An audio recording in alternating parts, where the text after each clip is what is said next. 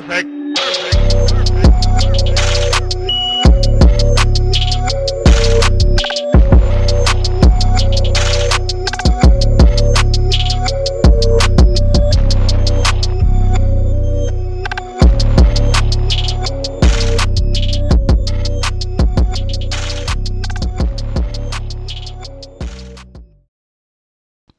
Serdecznie na moim kanale. Dziś lądujemy już któryś raz na Dolnym Śląsku, w mieście należącym do aglomeracji wrocławskiej, mianowicie w Oleśnicy. To tam urodził się i wychował Krzysztof, który po ukończeniu szkoły średniej postanowił zostać policjantem. I tak po zaliczeniu wszelkich wymaganych procedur w 2007 roku został przyjęty do pracy w jednym z komisariatów we Wrocławiu. Spełniał się zawodowo, piął się po szczeblach kariery, przełożeni byli zadowoleni z efektów wykonywanych przez niego zadań służbowych. Krzysiek był rosłym, silnym i wysportowanym facetem. No, dla wielu kobiet na swój sposób był przystojny, zatem nic dziwnego, że długo kawalerem nie był. W 2011 roku, mając 26 lat, ożenił się z dwa lata młodszym od siebie Esterą, drobną, atrakcyjną szatynką. Estera pochodziła z Bytomia, oddalonego od Oleśnicy o ponad 200 km. Tam mieszkali jej rodzice z jej młodszą siostrą. I tyle wiemy o Esterze, czyli praktycznie nic. Nie wiadomo, jak długo była z Krzyśkiem przed ślubem, czy w jaki sposób się poznali i tak dalej. Nie wiemy, jaka była Estera, a jaki był Krzysiek w czasach oczywiście młodości i tym podobne. I choć te szczegóły nie są znane i sprawa ma wiele luk, długa też nie będzie, to mimo wszystko chciałam ją Wam przedstawić.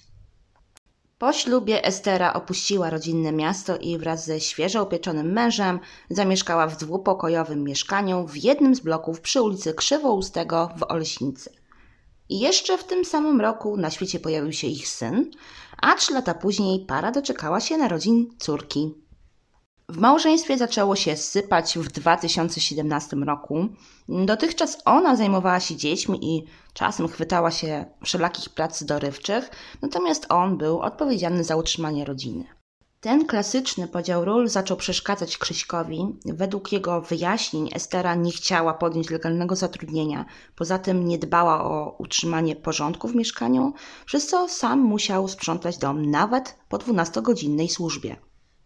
Przez te dwie kwestie małżeństwo często się kłóciło, a według rodziny Estery, która na bieżąco relacjonowała swoje problemy małżeńskie właśnie rodzinie, podczas tych kłótni Krzysiek miał ją wyzywać, upokarzać i być agresywny zarówno wobec niej, jak i wobec dzieci. Jak było naprawdę, wiedzą już tylko Krzysiek i Estera. Częste kłótnie jedynie pogłębiały konflikt małżeństwa i wydawało się, że jedynym sensownym wyjściem z tej sytuacji byłby rozwód. Póki co jednak żadne z nich nie powiedziało o takim rozwiązaniu wprost. Pod koniec sierpnia Estera zaczęła pracę w sklepie w innym mieście, dzieliła opiekę nad dziećmi z jeszcze mężem, teściami i swoimi rodzicami, którzy pomimo dzielących ich kilometrów chętnie uczestniczyli w życiu wnuków. Choć Estera poniekąd spełniła jedno z kluczowych życzeń Krzyśka, to znaczy znalazła pracę na normalnej umowie, nie zmieniło to jego podejścia. Nadal się kłócili, co więcej, według rodziny Estery, Krzysiek szantażował ją, że odbierze jej dzieci, chociażby w taki sposób, że podrzuci jej do auta dragi, strzeli z ucha tam, gdzie trzeba i ją zamkną, a dzieci zostaną jej odebrane. Na wszelkie sposoby, prośbą, groźbą, szantażem i tym podobne, Chciałby, że ona była z nim nadal. No ale dlaczego, skoro między nimi było coraz gorzej? No nie wiem. W tej kwestii powinien wypowiedzieć się psycholog. Krzysiek prawdopodobnie nie domyślał się, że swoim zachowaniem jedynie utwierdzał Esterę w przekonaniu, że ich małżeństwo już tak naprawdę nie ma sensu. Estera w pracy poznała brata swojego szefa, z którym szybko nawiązała bliższy kontakt z szefem również dobrze jej się rozmawiało i choć nie znali się długo, to Estera bez oporów opowiadała im o swoich problemach z mężem i o tym, że planuje od niego odejść. Te decyzje przyspieszył nieoczekiwany romans z bratem szefa, którego imię nie jest znane, ale ze względu na to, że w tej historii będzie miał znaczenie na potrzeby podcastu, nazwijmy go Kamilem. Zarówno dla Estery, jak i dla Kamila nie była to przylotna miłostka. No tak po prostu, no zakochali się w sobie na zabój. Zaczęli spotykać się ze sobą w wolnym czasie i pisać ze sobą na mesie. Zmiana zachowania żony nie uszła uwadze Krzyśkowi, który zaczął podejrzewać ją o zdradę i choć nie miał stuprocentowej pewności, to pod koniec września kazał jej spać w pokoju dzieci. Jako rasowy policjant przetrzepał jej telefon, w którym znalazł jej rozmowy z kochankiem, w których Estera i Kamil wyznawali sobie wzajemnie miłość. Przejrzał również jej rozmowy z koleżankami, w których zwierzała się, że Krzysiek ciągle drze się na nią i na dzieci. Te odkrycia musiały go zaboleć, zresztą no, co się dziwić. Natychmiast y, skonfrontował uzyskaną wiedzę z niewierną żoną, wprost zapytał ją, czy ma romans, a ona to potwierdziła. I na tą odpowiedź Krzysiek kazał jej wyprowadzić się ze wspólnego mieszkania. Przez kolejne dwa tygodnie małżeństwo kłóciło się jeszcze częściej i ostrzej. Po jednej z awantur w nocy z 11 na 12 października Estera miała dość i zabrała się z córką i Kamilem do swojej rodziny w Bytomiu. To wydarzenie wywarło mocne wrażenie na Krzyśku. Nawet znajomi zauważyli jego przygnębienie, wydawał się nieobecny duchem. W pracy otrzymał propozycję rozmowy z psychologiem, no ale odmówił. Na temat swoich kłopotów małżeńskich rozmawiał głównie z przyjacielem, czasem żalił się swojej matce i to by było na tyle. Estera wróciła z córką do domu w niedzielę 15 października. Wieczorem, jak zwykle, położyła się spać w pokoju dzieci, a w nocy obudził ją Krzysiek, który klęczał nad nią i recytował tekst przysięgi małżeńskiej. Zacny cringe nie powiem. Kiedy już skończył, Estera zapytała go, co robi, na co Krzysiek odpowiedział, że chciał ostatni raz potrzymać ją za rękę i na nią popatrzeć. Następnego poranka oznajmił jej, że wybaczy jej wszystko, jeśli rzuci pracę i utnie kontakt z koleżankami. Tymczasem Esterze nie były w głowie kolejne rozstania i powroty do męża. Już go nie kochała i z Kamilem planowała wspólną przyszłość. Chciała rozejść się z nim jak człowiek z człowiekiem, bez afer, nikomu niepotrzebnych dramatów i zacząć życie od nowa u boku no, miłości swojego życia. 18 października Estera podczas rozmowy z siostrą opowiedziała jej o zdarzeniach z ostatnich dni. Mówiła też, że zaczyna bać się Krzyśka z powodu jego no, dziwnego zachowania. Widziała, że nie radzi on sobie z ich rozstaniem, które no, zaczęło nabierać realnych kształtów. Zaczęła szukać mieszkania do wynajęcia. W następnym tygodniu miała spotkać się z właścicielami potencjalnych gniazdek, gdzie miała zamieszkać wraz z dziećmi, a w przyszłości również z Kamilem. Przed jej wyjazdem do pracy Krzysiek podjął z nią konkretną rozmowę dotyczącą ich dalszych losów. Ustalili, że wezmą rozwód, a on na dniach złoży pozew do sądu. Chciał zlikwidować lokatę, na której mieli odłożone 6 tysięcy złotych, by Estera miała za co wynająć mieszkanie. Wydawało się, że wszystko zaczyna nareszcie się układać. Po tej rozmowie Estera pojechała do pracy, a Krzysiek tego dnia miał wolne i został z dziećmi w domu. Po południu odwiózł je do swoich rodziców, choć tego nie było w planach. Estera kończyła pracę o 19.30. Po wyjściu z niej około 19.55 spotkała się na chwilę z Kamilem. Umówili się, że po jej powrocie do domu kobieta puści mu strzałkę. No mieli taki rytuał. Kamil chciał być pewny, że Estera trafiła bezpiecznie do domu. W tym samym czasie Krzysiek zadzwonił do przyjaciela i powiedział mu, że jego żona pojechała do kochanka. O godzinie 20.26 rozmawiał jeszcze ze swoją mamą. Kiedy Estera wróciła do domu, zdziwiła się, że nie ma w nim dzieci. Po 15 minutach od wejścia puściła obiecaną strzałkę do Kamila i to on miał jako ostatni z nią kontakt telefoniczny. Później Estera jak zwykle położyła się spać do pokoju dzieci, a w nocy już 19 października 2017 roku Krzysiek przyszedł do żony, ale tym razem nie recytował już przysięgi małżeńskiej, Prawdopodobnie zaczął ją dusić, kiedy jeszcze spała. Jej siostra później określiła to zabójstwem w ciszy. Kiedy Krzysiek pozbawił żonę życia poprzez uduszenie, jej ciało zostawił tam, gdzie jeszcze kilka minut wcześniej spała, a sam wsiadł w samochód i pojechał w pobliże stacji PKP w Solnikach Wielkich. O godzinie 3.37 wysłał do swojej mamy SMS-a, który słuchacze na YouTubie mogą właśnie zobaczyć w wersji oryginalnej, a to dlatego, że ma on błędy w treści, które każdy z nas może interpretować inaczej. Przytoczę Wam jego treść, a o wspomnianych błędach będę wspominać po prostu na bieżąco. Mamo, przyszedł czas rozliczenia się za własne czyny. Nie byłem ideałem, ale nie dam z siebie zrobić szmaty. Harowałem na ten dom i rodzinę. Podzięki nie znalazłem. Wiem, że jakbym tego nie rozegrał, to. Mają na mnie materiały, że jestem złym ojcem i tu niezrozumiałe słowo mężem. Zapomniały, co na miało miejsce. Zrobiłem to dla rodziny. Kocham moje dzieciątka najbardziej na świecie, chcę, żeby wyrosły na moralnych i silnych ludzi.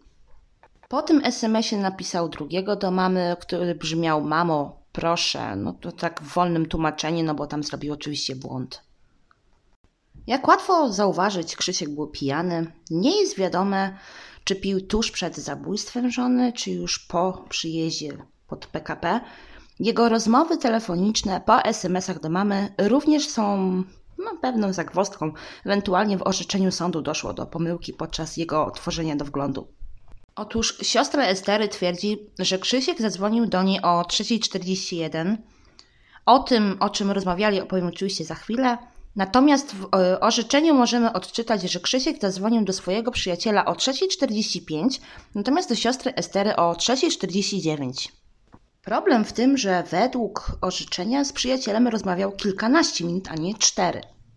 Co prawda są to mało znaczące szczegóły, bo równie dobrze mogło dojść do błędu i Krzysiek mógł rozmawiać z kumplem nie kilkanaście, a kilka minut, ale ich rozmowa była dość treściwa i szczerze wątpię, że w cztery minuty przyjaciel ten wciągnąłby z Krzyśka tyle informacji.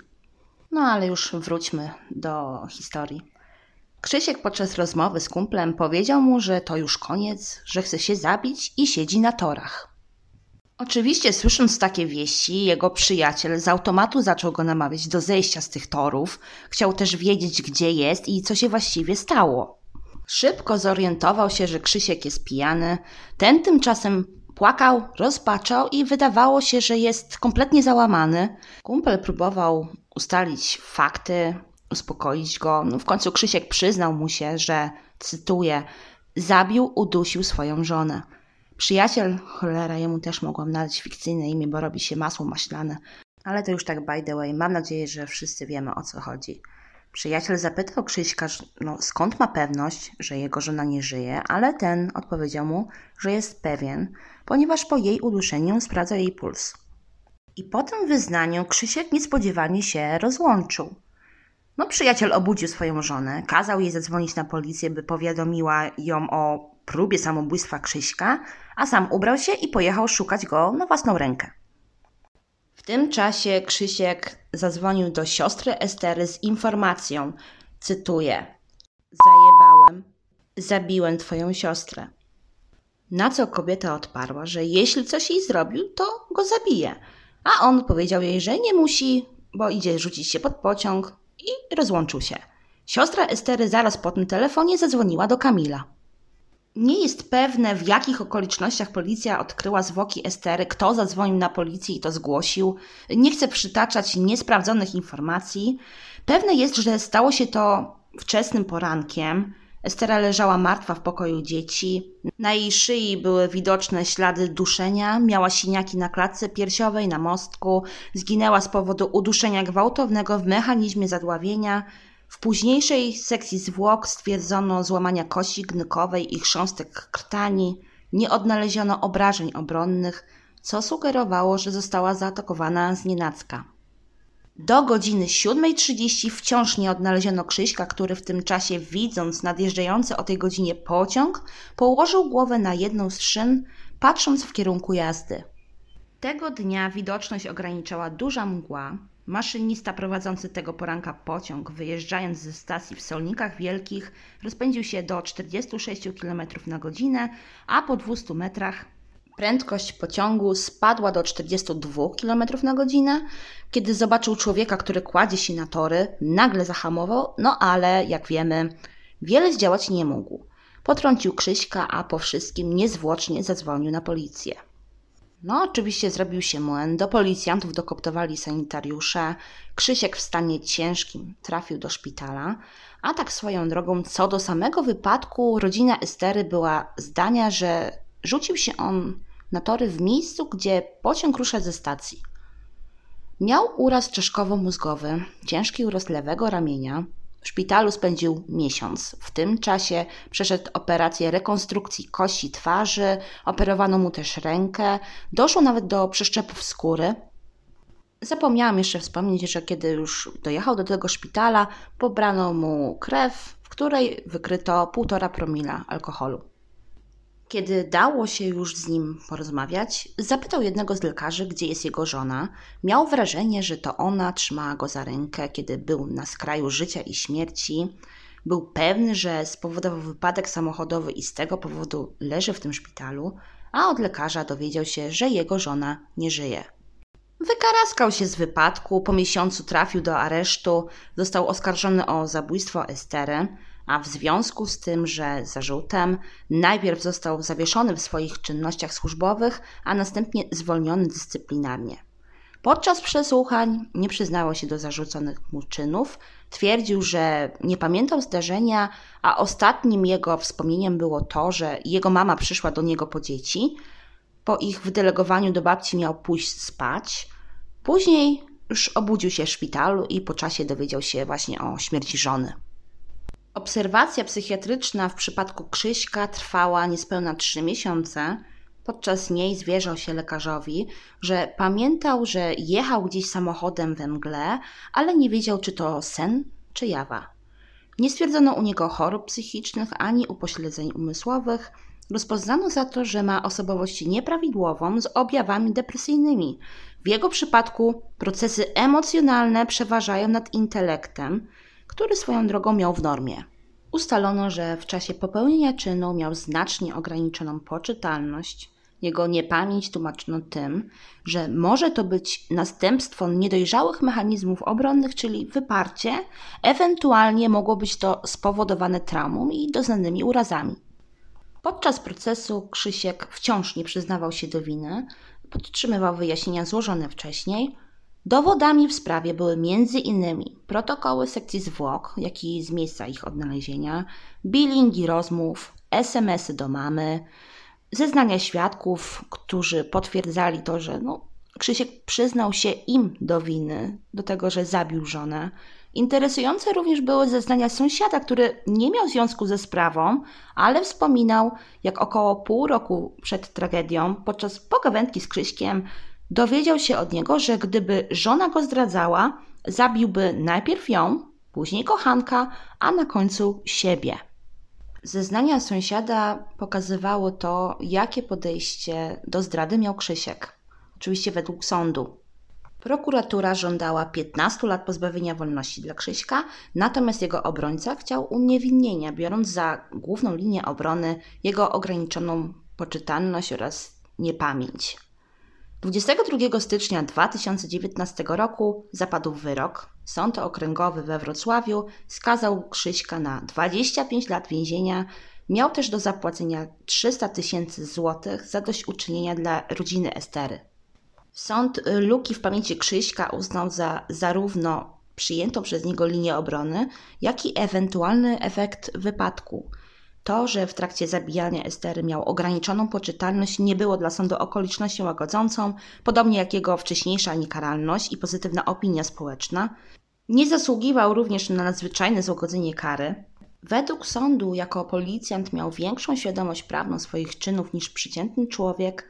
Jego motyw miał podłoże emocjonalne, przemawiały przez niego takie uczucia jak gniew, gorycz, żal, Ciężko było mu pogodzić się ze zdradą żony i tym, że czeka go rozłąka z nią i z dziećmi, które będą wychowywać się w niepełnej rodzinie. Według sądu działał w zamiarze bezpośrednim, o czym świadczyło no, między innymi to, że przed zaplanowanym zabójstwem zawiózł dzieci do swojej mamy, no nie chciałby były one świadkami zbrodni. W lipcu 2019 roku sąd apelacyjny obniżył jego karę do 15 lat pozbawienia wolności. Niestety nie znalazłam orzeczenia i nie znam szczegółów uzasadnienia tego wyroku, no a szkoda. I na tym mogłabym zakończyć dzisiejszy podcast, ale chciałabym jeszcze wspomnieć o dzieciach Estery i Krzyśka, na których konsekwencje tej tragedii odbiły się najbardziej. Po próbie samobójczej Krzyśka dzieci zostały pod opieką jego rodziców przynajmniej do czasu, no, zapadnięcia wyroku. Syn Estery po jej pochówku chciał odkopać mamę, no z racji wieku tłumaczono mu, że no mama jest u aniołków. Rodzina Estery nie mogła pogodzić się z faktem, że wnuki są pod opieką rodziców zabójcy ich córki. To dla dzieci rodzice Estery przenieśli się z Bytomia do Sycowa, które leży około 30 km od Oleśnicy. Wynajęli dom, by dzieci miały odpowiednie warunki do życia u ich boku. No i rozpoczęła się sądowa batalia o wnuki. Rodzice Krzyśka zostali ustanowieni rodziną zastępczą dla dzieci, a to dlatego, jak wyjaśniła to rzecznik Sądu Okręgowego we Wrocławiu, cytuję, na wniosek prokuratora sąd podjął decyzję, żeby na czas trwania całego postępowania chłopiec i dziewczynka znaleźli się u babci ze strony taty, którą to babcie znały, gdzie miały też w mieszkaniu swoje rzeczy i taka decyzja została przez sąd podjęta. Przynajmniej w najbliższym czasie tato jest pozbawiony wolności i w związku z tym trzeba im stworzyć takie warunki, gdzie będą się czuły bezpiecznie. Najlepiej jest dla dzieci w tym wieku, jeżeli trafią do miejsca, które jest już im znane. Rodzice Estery złożyli wniosek o zostanie rodziną zastępczą dla dzieci zmarłej córki. W 2018 roku uzyskali zgodę na to, by wnuki spędziły z nimi połowę wakacji, mogli też widywać je co drugi weekend. Biegli psychologowie ustalili, że dzieci są tak samo związane z dziadkami ze strony mamy, jak i taty. Krzysiek na wieść o wakacjach, które dzieci miałyby spędzić u rodziców Estery, wystosował pismo do sądu, w którym pisał innymi, że dzieci są emocjonalnie bardziej związane z jego matką. Pisał również, że obawia się, że rodzice jego zmarłej żony uprowadzą dzieci za granicę. Nie jest wiadome, jakiego rozwiązania doczekała się ta kwestia w sprawie. Jedno jest pewne – tego typu wojny o opiekę nad dziećmi zawsze odbiją się właśnie na nich, na dzieciach, które nie dość, akurat w tym przypadku, że straciły matkę, to poniekąd również ojca. Wydaje mi się, że dla nich to i tak zbyt wiele, jak na ten wiek i w ogóle na przeżycia ostatnich lat. Dorośli nie powinni dokładać im kolejnych zmartwień i próbować przyciągnąć ich na jedną czy drugą stronę taka manipulacja zawsze kończy się źle. Nie dla stron konfliktu, a właśnie dla dzieci, których dobro w takiej sytuacji, choć powinno być na pierwszym miejscu, pozostaje odrzucone na margines. I to już wszystko, co chciałam przedstawić Wam w tej historii. Przepraszam za odgłosy, ale dziś u mnie pada grad prosto w okna. Pewnie to słychać na nagraniu. Jak zwykle czekam na Wasze komentarze odnośnie sprawy. Liczę, że będą one wyważone i zachęcą do podjęcia dyskusji. Do usłyszenia.